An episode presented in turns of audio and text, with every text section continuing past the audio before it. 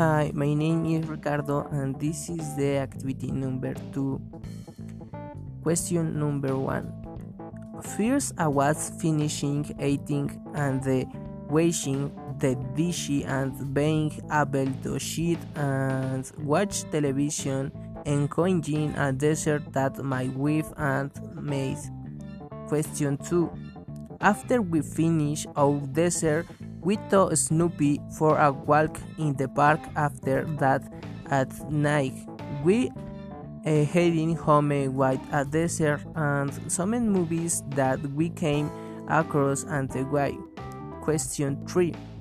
This is where my life, my son, my dog, and I live. During the rumble, we had a family di dinner after that my son went to this room to play video games. We were watching movies in the living room after that we went to walk Snoopy to come back and have a nice night. Question 4. What do you think calls have stolen? Where were you will you? Have they ever dated? You.